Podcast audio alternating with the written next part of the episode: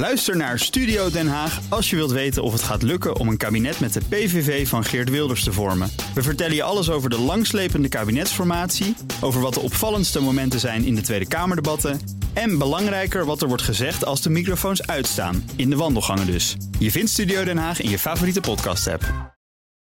Auto-update.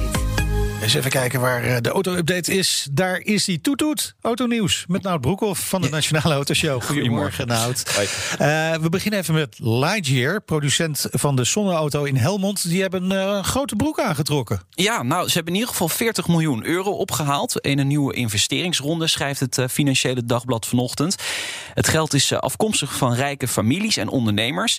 Je weet, Lightyear is natuurlijk bezig met The One. Hè? Dat ja. is een zonneauto, actieradius met van ruim 700 kilometer zou die moeten hebben.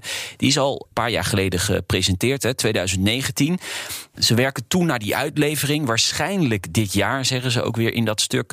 Maar ze hebben veel grotere plannen. Ze willen bijvoorbeeld ook een wat kleinere auto ja, gaan maken daar, voor daar de massa. wel vraagtekens bij. Hè? Ja. Want die auto, die One, die is zo lang, vijf meter. Hè?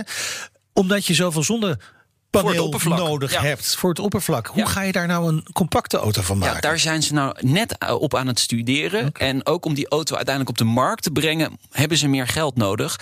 Dus spreekt CEO Lex Hoefsloot van Lightyear over een mogelijke beursgang om ook meer geld op te gaan halen. Het is nog niet heel concreet wanneer dat dan gaat gebeuren, maar hij, uh, ja, hij zinspeelt er wel op in het uh, stuk van het Kijk FD. Nou, Ja. benieuwd hoe dat verder gaat. Ja. Eh, Renault verkoopt zijn belang in Daimler, het eh, moederbedrijf van Mercedes-Benz. Ja, 1,54 procent. En dat heeft dan een waarde van 1,2 miljard euro. En daarmee wil eh, Renault gewoon schulden gaan aflossen. Eh, Renault is echt wel heel zwaar geraakt door de coronacrisis. Een recordverlies vorig jaar van 8 miljard euro. Dit is ja, een beetje een druppel op een gloeiende plaat. Dan zou je denken die 1,2 miljard euro. Maar goed, het is weer wat geld voor erbij. Eh, de samenwerking tussen eh, Daimler en ehm, Renault blijft wel eh, stand houden. Hè, ze blijven gewoon techniek delen. Ze delen motoren. Ze maken de Smart en de Twingo samen. De Citan is er natuurlijk. De bedrijfswagen, dat is eigenlijk een Kangoo. Ze hebben een pick-up samen. Dus dat blijft wel bestaan voorlopig. Ja, over Mercedes gesproken. De nieuwe SL komt eraan. Ja, de laatste testfase is begonnen. De achtste generatie van de sportauto. Ja, SL dat staat eigenlijk voor ehm superlight. Hè? Een, een lichte sportauto. Foto's in de sneeuw zijn vrijgegeven eh, van een testfaciliteit in Zweden waar die auto rondrijdt. Het gaat om de Roadster. Hij ziet er wel leuk uit. Hij is nog gecamoufleerd. Ja. Rood dakkie. Ja. Een 2 plus 2 zitter is het. En er komen ook AMG-versies, wordt gezegd. Dus dat is natuurlijk wel leuk. Ja. Dan verkeerslichten. Ja.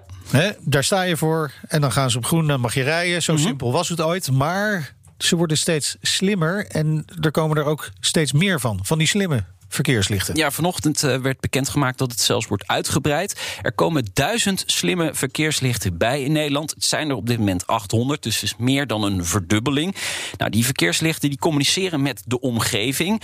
En dat is vooral van belang voor hulpdiensten, ambulances bijvoorbeeld. Eh, die worden dan herkend en krijgen groen licht als ze sirenes aandoen. Ehm, en dat verbetert gewoon de verkeersveiligheid. Jaarlijks gebeuren er toch nog heel veel ongelukken ehm, eh, met hulpdiensten. Hoe werkt het dan? Hoe herkennen ze die hulpdiensten? ja, waarschijnlijk zit er een signaal in de ambulance en die communiceert dan met het stoplicht. En als de stoplicht dat signaal opvangt, denkt hij: hé, hey, maar dat is een Er ambulance. zijn natuurlijk altijd slimmerikken die proberen dat signaal te kopiëren. Hè?